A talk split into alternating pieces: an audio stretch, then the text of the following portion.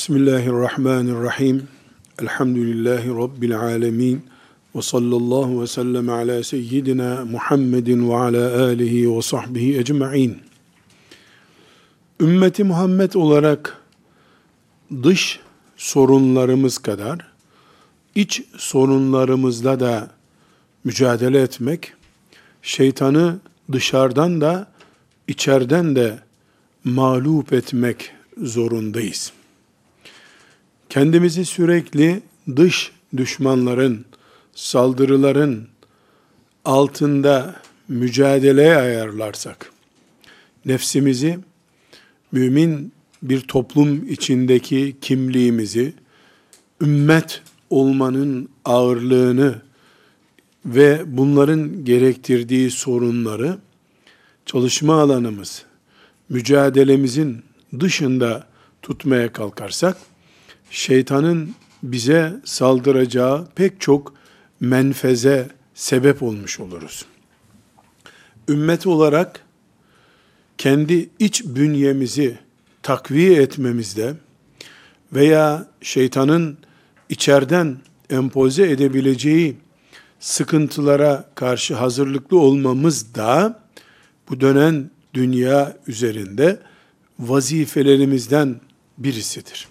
Belki de önceliklisidir. Çünkü içeriden çürümüş bir ümmetin dışa karşı kendisini güçlü hissetmesi mümkün değildir. Ümmet olarak iman ümmetiyiz. Bizdeki en yüksek değer hatta varoluş gayemiz Allah'a imandır. Her şey Allah'a imanla başlıyor. İman olmadıktan sonra ne bireysel ne de ümmet adına bir değerimiz, ağırlığımız yoktur. Allah'a iman kadar varız, Allah'a iman kadar gerçekçiyiz. Bu imanın kalitesi kadar. Bunun için şeytanın en büyük hedefi ya da nihai hedefi Allah'a iman edenlerin imanının düşmesini sağlamaktır. Çürümesini sağlamaktır. Neticede de imansız insan oluşturmaktır. Bunu şeytan bizzat kendisi gelip vesvese oluşturarak, fitne çıkararak da yapar ama şeytanın bir müminin imanını başka bir müminin eliyle eritmesi çift başarıdır. Bugün dünya üzerinde şu sistem, bu güç, Müslümanları imha etmeye çalışıyorken, Müslümanların birbirlerinin imanını yok kabul ettirmeye uğraşmaları daha düşük bir tehlike değildir. Bilakis bir müminin imanının yok olduğunu, muteber olmadığını kararlaştırma gibi bir cüret, Mescidi Aksa'nın eteklerinde Yahudi tankı altında şehit olmuş bir Filistinli mümin vakasından daha tehlikelidir. Biri şehit olup Rabbine gider, ümmet onun intikamı için bir asır sonra bile heyecan taşır, öbürü de Allah'a iman edenlerden birisinin imanının düşmesi anlamına gelir ki, bu bizim için insan zayiatından daha büyük zayiattır. Çünkü insanın maddi yapısıyla manevi yapısı da beraberinde kaybolmaktadır. İsterse bu o imanı yok denmiş kişi için olsun, isterse de bu kural imanı yok filancanın diyen mümin için olsun. Prensibimiz şudur bizim. Bize göre, ümmeti Muhammed anlayışına göre, kat'i ve tartışmasız hüküm, bilgi, vahiy bilgisidir. Vahyin dışındaki bütün bilgiler tartışılabilir bilgilerdir. Vahiy de sadece peygamberlere gelmiştir. Peygamberlerden sonra hiçbir insana vahiy gelmemiştir. Bütün alimler de dahil olmak üzere insan ağzından çıkan vahiy dışındaki bilgiler zannidir. Yani yorumlanabilir. Hata ile itham edilebilir bilgilerdir. Bu nedenle vahiy dışındaki bir yolla insanların imanlarının tartışılması bizim dinimizde yoktur. Çünkü Allah'a iman kullarla ilgili bir şey değildir. Yani bir insanın öbür insandaki hakkı, hukuku ile ilgili değildir. Annelik babalık hakkı değildir, komşuluk hakkı değildir, ticari bir metaın hakkı değildir. Allah'a iman Allah'la ilgilidir. Varlığı ve yokluğunun kararını Allah verir bilir. Kulları hakkındaki iman kararı Allah'a aittir. Kendisi de iman etmekle yükümlü olan bir insan başka insanın imanı ile ilgili var veya yok kararı veremez. Verirse bu dış belirtilere göre ancak verilebilir. Kelime-i şehadeti söylemek dış belirti itibariyle mümin olmak demek olduğu için mümindir deriz. Kur'an'ı inkar etmek dış belirtisi itibariyle dinden çıkmak olduğu için Kur'an'ı inkar etti, melekleri inkar etti, kaderi açıkça inkar etti, dinden çıktı deriz. Dış belirtileri ve dış belgeleri kullanabiliriz. İnsanların dudaklarını okuyarak, kalplerini uygulayarak, beyinlerini ve zihinlerini okuyup yorumlayarak kimsenin imanına var yok kararı veremeyiz. Dinimizin en temel prensiplerinden biri budur. Buna rağmen Müslümanların en çok dillerine doladığı şeylerden birinin başkalarının bireysel veya gruplar olarak imanlarının olmayışı ile ilgili cümleler filanca veya filancalar mümin değildir, Müslüman değildir şeklindeki kullanımlar ağır hatalardır. Ümmet olarak bu birbirimizi yontma ve birbirimizi imha etme bataklığından kurtulmalıyız. Şeytanı iki kere sevindirmekten başka bir işe yaramamaktadır. Hiç kimse cehenneme girenler daha fazladır diye sevinme hakkına sahip değildir. Cehenneme bir kişi daha fazla kazandırdığı için sevinen bir mümin bu dünyada olamaz. Üzülen mümin olması gerekiyor. Bu sebeple biz burada bazı kurallardan söz edeceğiz. Bu kurallar 12 kuraldan söz edeceğim. Bu 12 kural bizim başkalarının imanını tartışma konusu yapmaya hakkımızın olmadığını, böyle bir oyunun çok tehlikeli bir oyun olduğunu zihnimize yerleştirmek içindir. Bir, birinci kuralımız, insanların kalpleri, beyinleri ve imanları ile ilgili nihai karar, alim ve habir olan Allah'a aittir. Bu gayet ağır bir karardır. İnsanın birisinin imanı ile ilgili nihai karar vermesi büyük bir tehlikedir. Hiçbir mümin kanaati ile, zannı ile, tahmini ile, şüphesi ile böyle bir karara ulaşamaz. Bu birinci kural. Alim ve habir olan Allah bu kararı verir. Biz ne yaparız? Dışarıdan ne gördüğümüze bakarız. İki, insanlar hakkındaki karar, şeriat mantığı ve ilkelerine göre olur. İnsanlar hakkındaki karar, tüzük, senet, aşiret, gelenek, örfe göre verilemez. Filanca grubun hoca efendisinin kanaatine göre değil, şeriatın Kur'an ve sünnetten kaynaklanan prensiplerine göre karar verilebilir. İnsanların imanlı veya imansız oldukları hakkında. Çünkü imanlıdır demekte bir risk, bir tehlike, imansızdır demekte bir tehlikedir. Çünkü bedava cennet dağıtmaya da hakkımız yok. Durup dururken cennetten kovmaya da hakkımız yok birbirimizi. Üçüncü kararımız. Allah kafirlere karşı bile adil ve insaflı olmayı emretmiştir.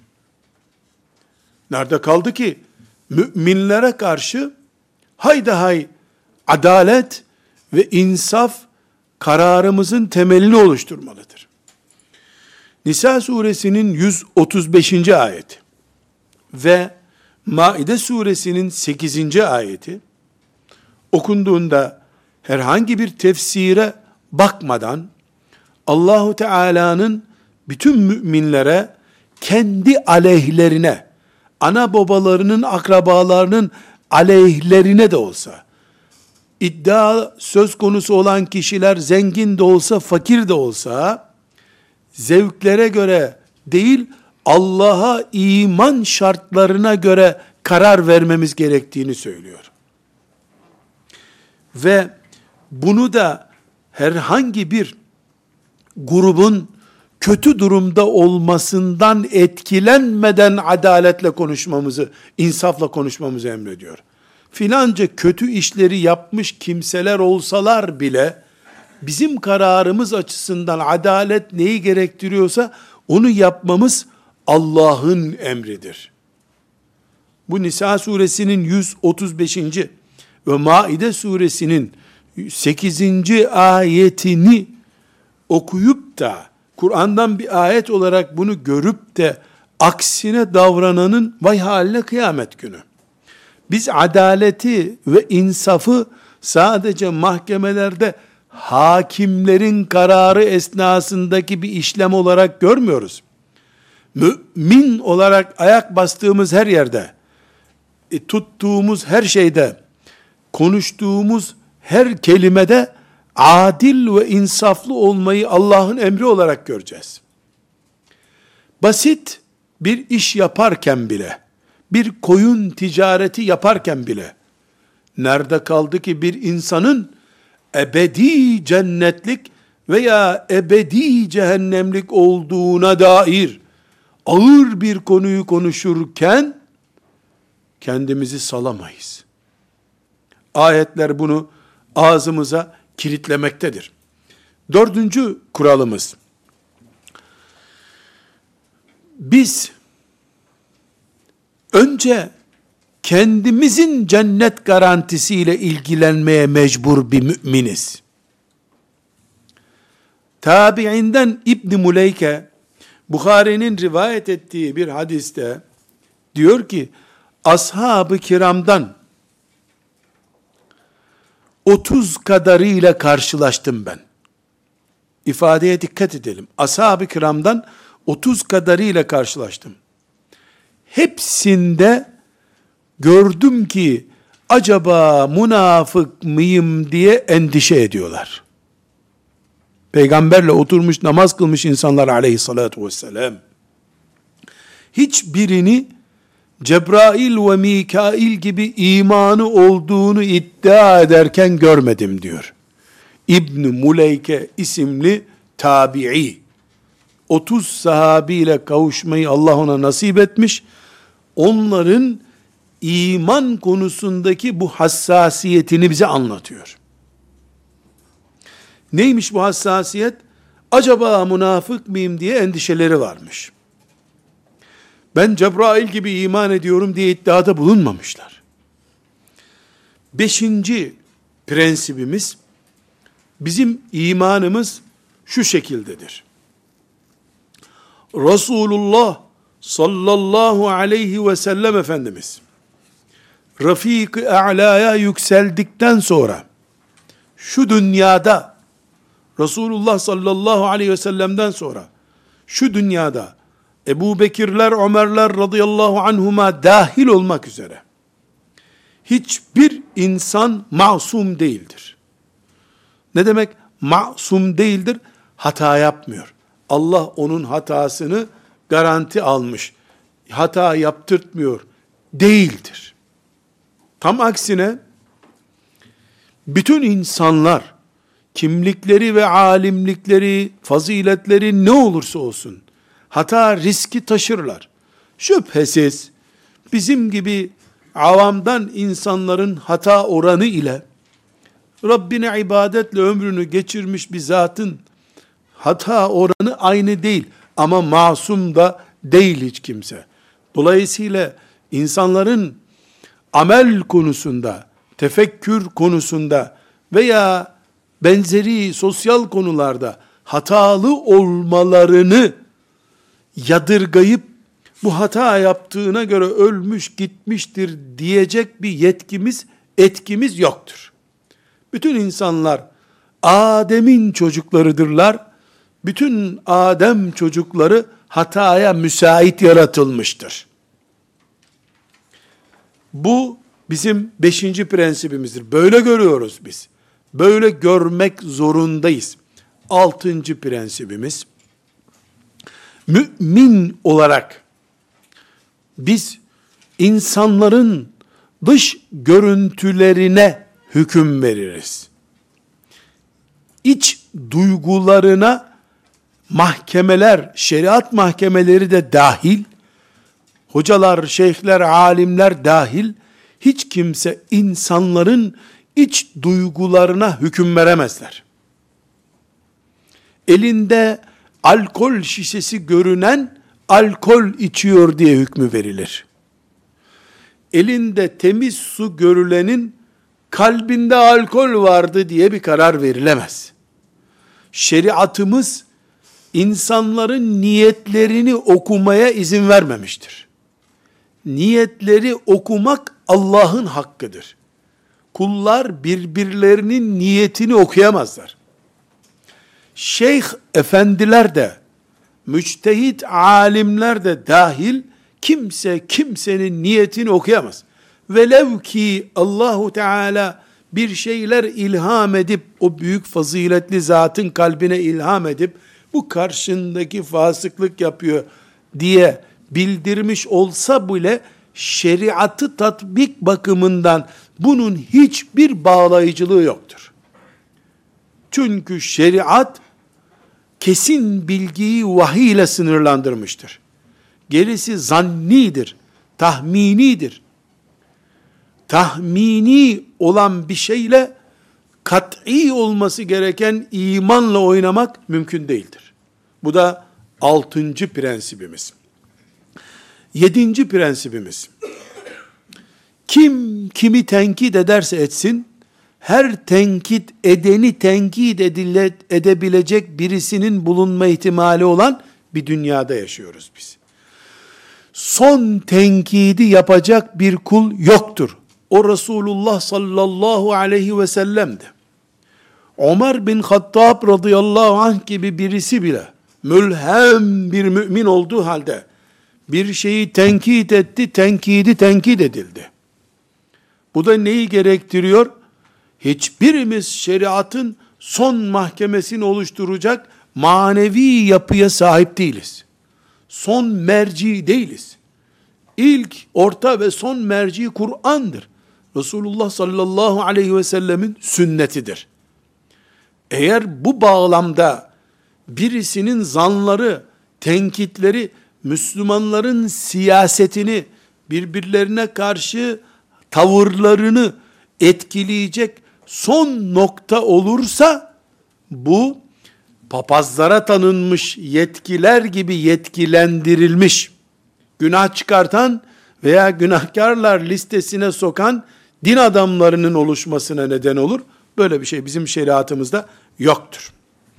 Sekizinci prensibimiz, insanların imanlarına müdahale hakkımız olmadığını konuştuğumuz bu dosyamızda 8. prensibimiz müminler araştırıp inceleme ile emrolunmuşlardır.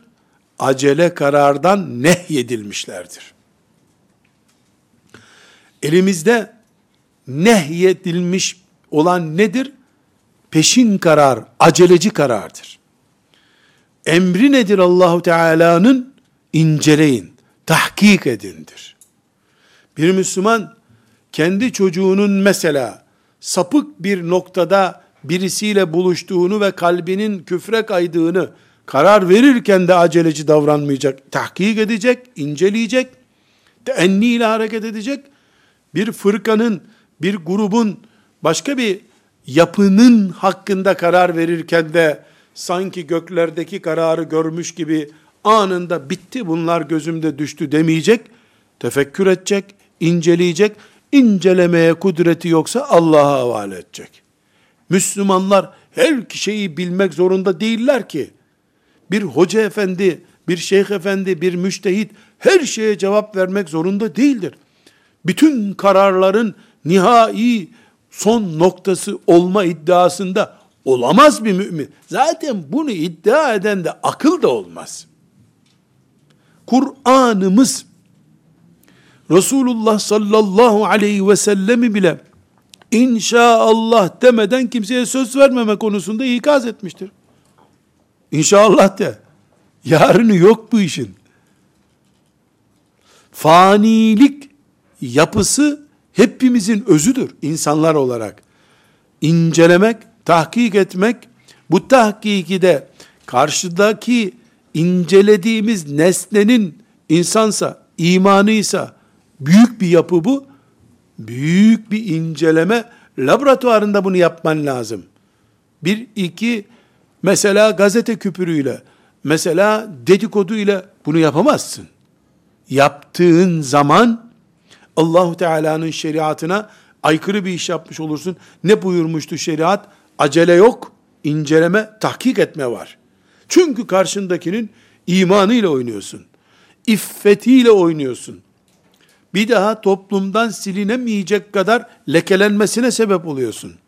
Ve bedeli kıyamet günü ödenecek büyük bir cürüm işliyorsundur. Dokuzuncu kararımız, insanlar hakkında karar verirken herkesi temiz kabul etmek zorundayız. Asıl olan insanın temiz olduğudur. Anadan temiz doğmuştur. Sonradan insanlar kirlenirler. Topluca mesela nerede bir Moskovalı varsa cehennemliktir denemez. Filanca yerliler berbattırlar denemez. Esas olan Allah'ın herkesi fıtrat üzere yaratmasıdır. Bunun için adil olması her insanın aslıdır. Zalimlik sonradan gelir. Bu zalim doğdu denemez. Adil doğu, Allah adil yaratıyor. Sonra zalimliğe bulaşıyor. Asıl olan insanın dost doğru olmasıdır. Yalan sonradan bulaşır insana. Yalanı sonradan uğraştır. Asıl olan tevhid üzere yaratılmış olmaktır. Her çocuk muvahhiddir. Allah'a asi olacak kapasitesi yoktur. Ne buyuruyor Efendimiz sallallahu aleyhi ve sellem? Sonradan anası, babası, çevresi onu Yahudileştirir, Hristiyanlaştırır, meculesi, mecusi hale getirir buyuruyor. Asıl olan tevhid adamı olarak yaratılmaktır. Asıl olan insanın temiz bünyelisi olmasıdır. Sonradan alkol insanı kirletir. Bütün bunlardan dolayı yani asıl olan adil olmasıdır. Zulüm sonra geliyor. Doğruluk esastır, yalan sonra geliyor. Tevhid esastır, sonradan şirk geliyor bünye temizliği esastır. Sonradan kirlenmişlik geliyor. Dan doğan en temiz temiz prensibimiz asıl olan insanlar hakkında hüsnü zan yapmaktır. Suizan sonradan bir belge ile ve ciddi bir kararla getirilebilir. Müslümanların Müslümanlara bakışında hüsnü zan esastır iyilik kararı verilmek zorundadır. alkol kullanmasından zina etmesine, yalan konuşmasına, zalim olmasına, hırsızlık yapmasına kadar kötü olarak bildiğimiz ne varsa bu bir Müslümanda yoktur diye biz yola çıkarız. Beraat-i zimmet esastır denmiştir bunun için. Suçsuzluk asıldır. Suç sonradan gelir. Bu mantıktan dolayı biz mümin kardeşlerimize hüsnü zan yapmak zorundayız. Suizanla yola çıktığımız zaman trafiğe ters girmiş oluruz. Trafiğe ters girdin mi de herkes zıt gelir sana. Çünkü sen trafiğe bir defa ters girdin. Bu bir felakettir. Nauzu billah. Trafiğe ters girmek deyince de ne anlaşılması gerektiğini izah etmeye gerek yok zannediyorum. Onuncu prensibimiz. Ümmeti Muhammed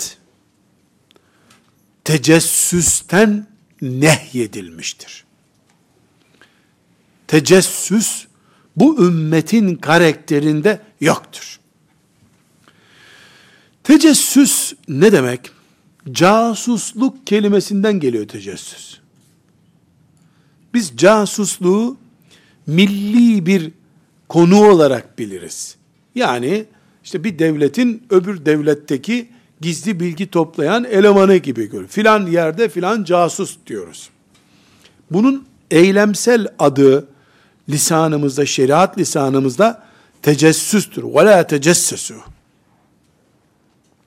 Tecessüs etmeyiniz. Bu şeriatımızın emridir. Bir insan devlet gibi mümin toplum içinde tecessüs yapamaz. Böyle bir görevi kimsenin yoktur.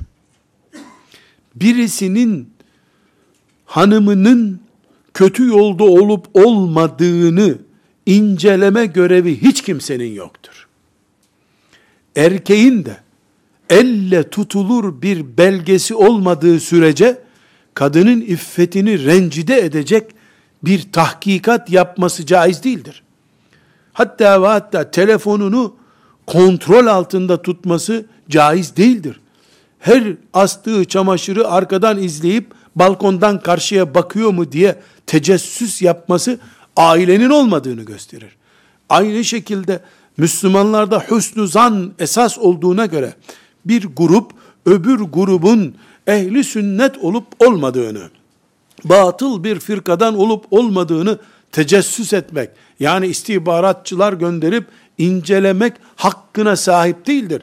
Her cemaat öbür cemaat hakkında, her mümin öbür mümin hakkında hüsnü zan beslemek zorundadır.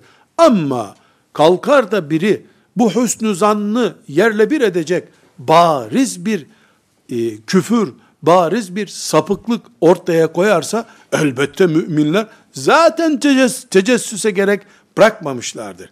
Birbirlerinin casusu müminler Resulullah sallallahu aleyhi ve sellemin ashabının örneğinin alındığı toplumu oluşturmazlar. Ashab-ı kiram birbirlerinin casusu hiç olmadılar. Düşünen düşüncesini açıkça söyledi. Düşüncesini söylemeyince de bunun böyle bir şeyi yoktur diye kabul etti herkes. Ne dedik? İçimizdeki duygusal kararları, iç bünyemize ait hissiyatı Allah bilir. Kulları bilemez. Biz dudak okuma hakkına sahip değiliz. Kulaklarımızın duyduğunu gözlerimizin görüp okuduğunu bilme hakkına sahip değiliz. Ben onun kalbini biliyorum diyen yanlış bir yoldadır.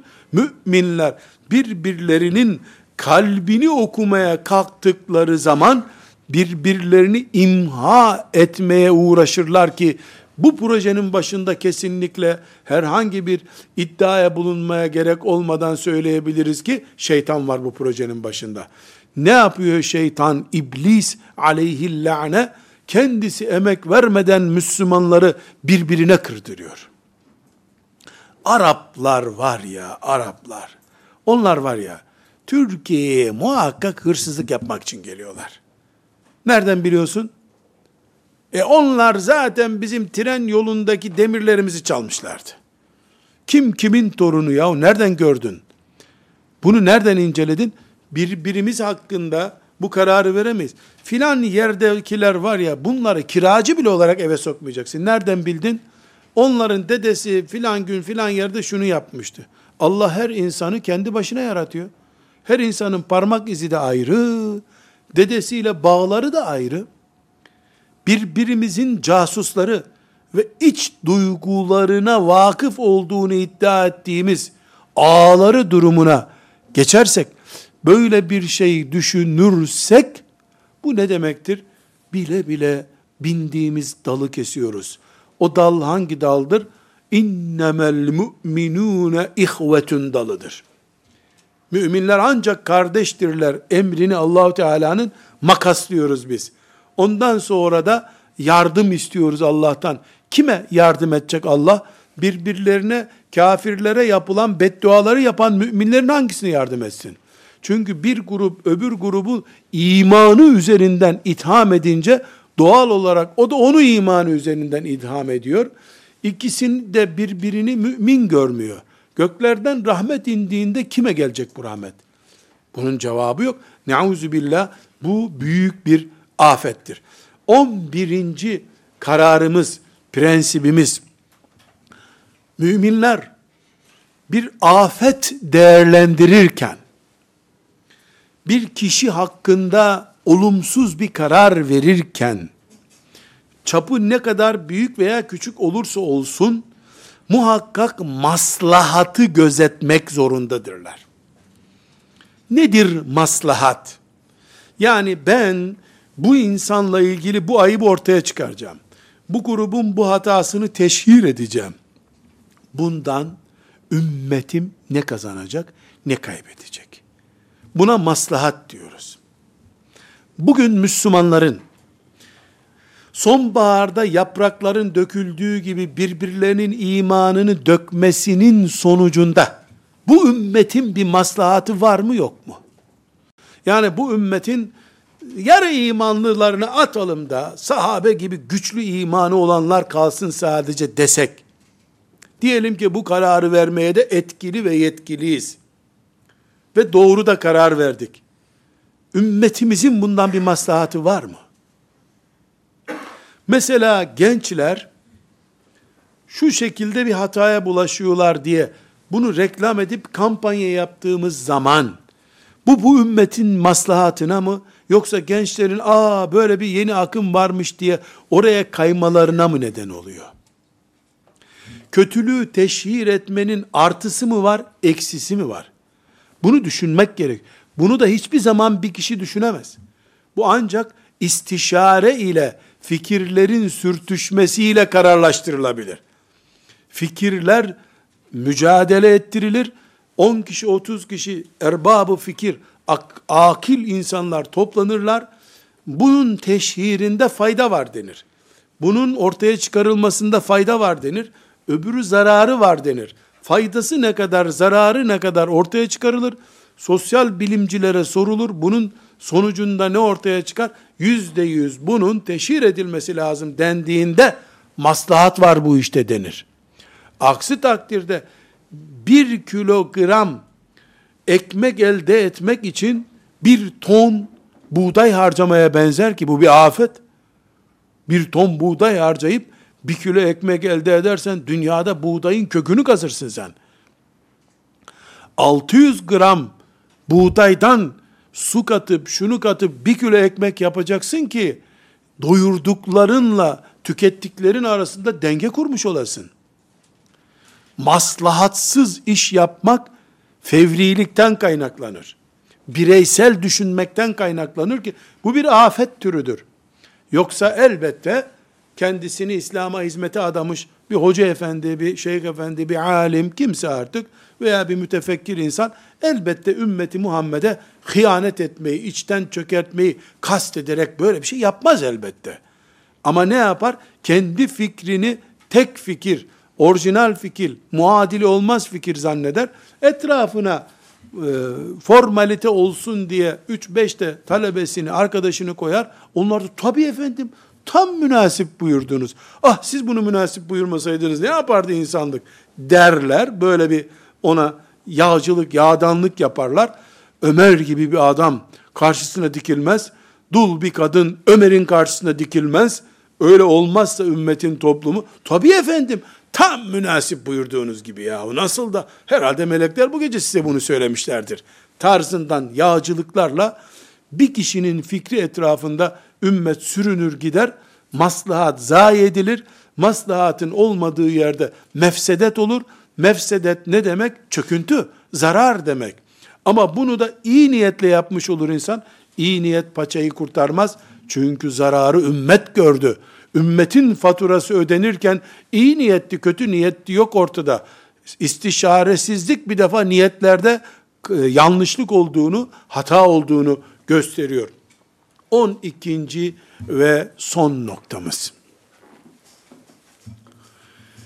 Gayet hassas bir örnek. Bu 12. noktayı gruplar gruplara ilişki kurarken, aile içinde bireyler hareket ederken, hocalar talebeleriyle, talebeler hocalarıyla ilgili, arkadaşlar arkadaşlıklarıyla ilgili, vakıfta çalışanlar vakıfla, siyasetle meşgul olanlar siyaset arkadaşlarıyla ilgili. Ümmeti Muhammed olarak hayatın en temel prensiplerinden birisi bu 12. maddedir. Biz özür kabul eder ve dosya kapatır bir ümmetiz. Bizi Resulullah sallallahu aleyhi ve sellem böyle tuttu. Böyle alıştırdı. Özür kapatma da iki türlü olur. Yani birincisi gelip itiraf eder. Bunu ben yanlış yaptım. Doğal olarak da yanlış yaptım, bedelini ödeyeceğim diyene bir şey denmez. Bir kere hata yaptın, bize kan lazım diyen kurtlara dönüşemeyiz biz. Özür kabul etmek Allah'ın Esma-i Hüsna'sındandır. Tevvaptır Allah. Özür kabul etmek bu ümmetin Allah ile bağlantısını kuran Esma-i Hüsna'sında bulunan bir özelliktir. İki, ikinci türü bunun, geçmişinden dolayı bu hatayı görmezden geliyorum deme karakteri bu ümmette vardır. Hatip bin Ebi Belta'a radıyallahu anh Resulullah sallallahu aleyhi ve sellemin fetih planını Mekkelilere sızdırmaya kalktı. Bunun adına şimdi vatana hıyanet deniyor. Vahiy geldiği için Hatib bin Ebi Belta'nın işi ortaya çıktı. Ali radıyallahu anh Efendimiz gönderdi. Hatib'in gönderdiği casusu yolda yakaladı. Mektubu aldı, getirdi Peygamber aleyhisselam önüne koydu. Hatib bin Ebi Belta'a, Hatib bin Ebi Belta'a radıyallahu anh dondu kaldı. Kadının saçına gizlemiş mektubu. Ne yaptın sen? Ne yaptın dedi Efendimiz sallallahu aleyhi ve sellem. Ya Resulallah, oldu bir kere dedi, benim orada kimsem yok. Burada herkesin akrabası var, benim kimsem yok. Sen fetih için gidince, benim çoluk çocuğumu imha ederler diye korktum. Yani onlara bir böyle size bilgi verdim, bana dokunmayın demek istedim dedi. Ama tehlikeli. Mekke'nin fethinin baltalanması gibi kainatı sarsacak, yani cehennemi dünyaya taşıyacak kadar büyük bir suç bu. Allah lütfetti, önlendi bu. Ashab-ı kiram öyle bir baktılar ki ona herhalde Hatib bin Belta öldüğünü zannetmiştir o zaman. Ne yaptı Resulullah sallallahu aleyhi ve sellem? Hatip Bedir'e katılıp dar günümde yanımda olmuş birisidir. Allah affetti seni git nereye gidersen git dedi. Bu ümmetiz biz. Bir çuval inciri bir kurda satmayız. Geçmiş iyilikleri yok kabul eden ümmet olamayız biz. Resulullah sallallahu aleyhi ve sellemin açık emridir zaten. Allah'ın hududu yani çalma, çırpma, zina gibi bu büyük suçlar hariç ufak tefek suçlarını iyi insanlardan görmeyin buyuruyor. Ebu Davud'da 4375. hadis-i şerif. Akiru zevil heyati an atheratihim. Yani olgun beyefendi insanların ufak tefek suçlarını görmeyin buyuruyor. Kesinlikle bu babanın, annenin çocuğa uygulayacağı bir siyasettir aynı zamanda. Öğretmenin talebeye uygulayacağı bir siyaset.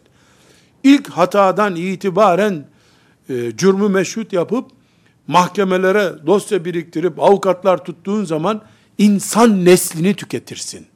İnsanlığı tüketirsin. Resulullah sallallahu aleyhi ve sellemin getirdiği ümmet kalitesini tüketirsin.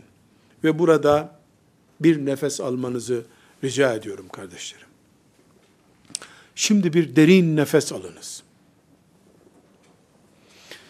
İsrailoğullarının ve önceki peygamberlerin, peygamberleri hariç, peygamberler hariç, şu kainatta Adem'in çocuğu olarak doğmuş ilk üç insan kimdir? Amine'nin oğlu Muhammed sallallahu aleyhi ve sellem'dir. İki, Ebu Bekir radıyallahu anh'tir. Üç, Ömer radıyallahu anh'tir. Hiçbir Allah'ın kulu Kur'an'a, peygambere iman ediyorsa bu listeyi değiştiremez. Peygamberler hariç dedik. Eski peygamberler hariç. Allah'ın bir anadan doğuma yarattığı insan oğlunun ilk üçü Muhammed sallallahu aleyhi ve sellem, Ebu Bekir ve Ömer'dir. Bukhari'de 3661. hadisi şerife dikkat ediniz. Ebu Derda radıyallahu anh isimli sahabi bir olay naklediyor. Lütfen nefeslerinizi tutunuz. İnsanlık görünüz. Ehli sünnetim demek için sünnete ne kadar ehil insan olmak gerektiğini tefekkür ediniz. Bütün yöneticilere, annelere, babalara, kadınlara, eşlere, kocalara, arkadaşlara, insanlığa Muhammed sallallahu aleyhi ve sellem ders veriyor. Ebu Bekir birinci aktör. Ömer ikinci aktör. Ebu Derda radıyallahu anh şahit. Gökler bütün uzay çapında şahit. Allah şahit. Bukhari de bu hadisi rivayet etmiş. Radıyallahu anhum. Ebu Derda diyor ki, Resulullah sallallahu aleyhi ve sellemin yanında oturuyordum. Birden Ebu Bekir çıka geldi. Radıyallahu anh. Ebu Bekir elbisesini tutmuş bu şekilde hızlı koştuğu için elbisesi bir yere takılmasın diye elbisesini tutmuş geliyor. Geldi. Dikkatli dinliyoruz. Resulullah sallallahu aleyhi ve sellemin önüne çöktü. Ya Resulullah dedi. O arada Efendimiz sallallahu aleyhi ve sellem Ebu Bekir heyecanlı yahu. Ebu Bekir heyecanlı yahu buyurmuş. Ne oldu Ebu Bekir'e? Çok yoğun bir şekilde gelmiş. Ya Resulallah demiş. Ömer'le bir tartıştık. Ömer, o bildiğimiz Ömer. Ömer'le tartıştık. Ağzımdan sert sözler çıktı. Ömer küstü bana. Gittim, sonra anladım ki ben Ömer'e karşı hata ettim. Döndüm, Ömer'e gittim, Ömer beni affet dedim. Tarafıma bakmadı ya Resulullah, barıştır bizi ne olursun. Dedi, diyor Ebu Derda radıyallahu anh. Efendimiz sallallahu aleyhi ve sellem de üç kere Ebu Bekir Allah seni mağfiret buyursun. Ebu Bekir Allah seni mağfiret buyursun demiş. Efendimizin yanında Ebu Bekir böyle dert yanarken yani ne oldu? Ömer'le tartışmışlar bir meseleyi. İnsandılar çünkü. Kainatta peygamberler hariç ikinci isim, üçüncü isim tartışmışlar. Ebu Bekir de yahu sen ne dediyse ona artık Ömer de küsmüş. Yani iki arkadaş bana böyle nasıl hakaret edersin? Ne dediyse artık. Biraz sonra Ebu Bekir aklını başına almış. Ömer affet beni ne olursun demiş. Çek git demiş o da. O da ya ölür Ömer ben ölürüm hak üzerimde kalır diye barıştırsın diye Resulullah sallallahu aleyhi ve selleme gelmiş. O Resulullah sallallahu aleyhi ve sellemle konuşurken Ömer ya ben ne yaptım Ebu Bekir'e böyle demiş. Kalkmış Ebu Bekir'in evine gitmiş. Kapıyı vurmuş. Nerede Ebu Bekir demiş. Burada değil demişler. E nerededir? Herhalde Peygamber aleyhisselama gitti demişler. Kalkmış, Peygamber sallallahu aleyhi ve sellemin önüne gelmiş. Ömer. Üçüncü kişi de buluştu. Ebu Derda şahit. Gökler, güneş, yıldızlar, uzay melekleriyle dolu olarak herkes şahit. Ebu Bekir orada bizi barıştır diyordu. Ömer gelince Resulullah sallallahu aleyhi ve sellemin yüzünün rengi değişmiş. Ömer'e karşı ağır bir çıkış yapacağını anlamış Ebu Bekir. Dizlerine kapanmış Efendimizin. Ya Resulullah demiş. Bu işin haksızı benim. Ne olursun Ömer'e kızma buyurmuş. Bu işin haksızı benim demiş. Böyle rica edince Efendimiz sallallahu aleyhi ve sellem şikayet eden Ebu Bekir ya da yardım isteyen ben haksızım diye itiraf etmiş. O arada ashab-ı kiram da oraya dolmuşlar. Resulullah sallallahu aleyhi ve sellem buyurmuş ki, insanlar, siz hepiniz benden şüphe ederken bu adam benim yanımdaydı. Siz paralarınıza sarılmışken bu adam varını yoğunu bana feda etti. Artık Allah'tan korkun ve benimle dostumun arasında bulunmayın. Ebu Bekir'imi bana bırakın buyurmuş. Bunu da bir daha duysunlar, herkes anlasın diye kalkmış tekrar buyurmuş. Sallallahu aleyhi ve sellem. Şimdi nefesimizi tekrar alabiliriz. Muhammed sallallahu aleyhi ve sellem Ebu Bekir radıyallahu anh Ömer radıyallahu anh. Hakem Allah'ın peygamberi. Şikayetçi Ebu Bekir. Haksızım diyen de Ebu Bekir. Ben haksızım diyor. Yanlış yaptım diyor yahu benim bir şikayetim yok tamam hakkımı helal edeceğim demeye gelmiş Ömer. Ömer'in de yani gelme sebebi ya affetmeliydim Ebu Bekir'i bu iş büyümeseydi keşke canım demek için o da gelmiş. Ama orada 15-20 sene önceki hatıralar Resulullah sallallahu aleyhi ve sellemin gözünde canlanmış. Yoktunuz bu vardı diyor. Siz paranıza sahiptiniz bu verdi hep diyor. Hatırım için buna dokunmayacaksınız diyor. Ebu Bekir haklıdır haksıza girmiyor. Araya giriyor. Ebu Bekir'e hatırım için dokunmayacaksınız diyor. Ebu Derda radıyallahu anh diyor ki, o günden sonra kimse Ebu Bekir'e bir daha bir şey demedi diyor. Radıyallahu anhum cemiyen. Buradan hangi dersi çıkarıyoruz? Dedik ki, dinimiz, geçmişteki güzellikleri silmeye izin vermeyen bir dindir. Bu ümmet, Ebu Bekir'in kimse yokken var olduğunu unutmamış bir ümmet olması gerekir. Bir adam yıllarca müminlerden yana tavır koydu da günün birinde bir pot kırdı diye onu defterden silme karakteri bu ümmetin karakteri değildir.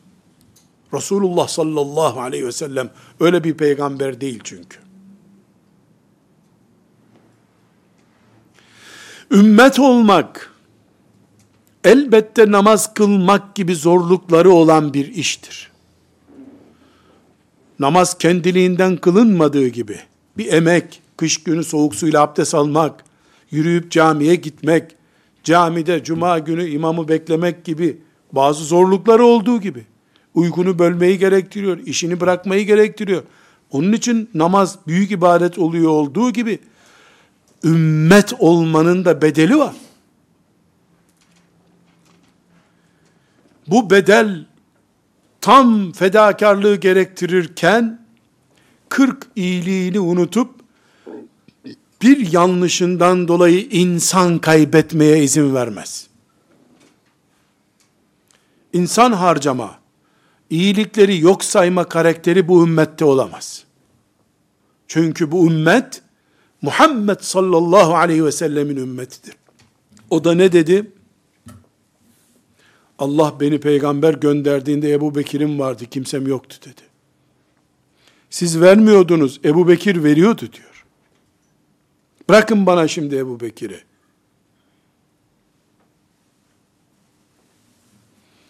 Eğer Peygamber sallallahu aleyhi ve sellemin sünnetine uymaksa ehli sünnet olmak, bu sünnettir işte. Velhamdülillahi Rabbil Alemin.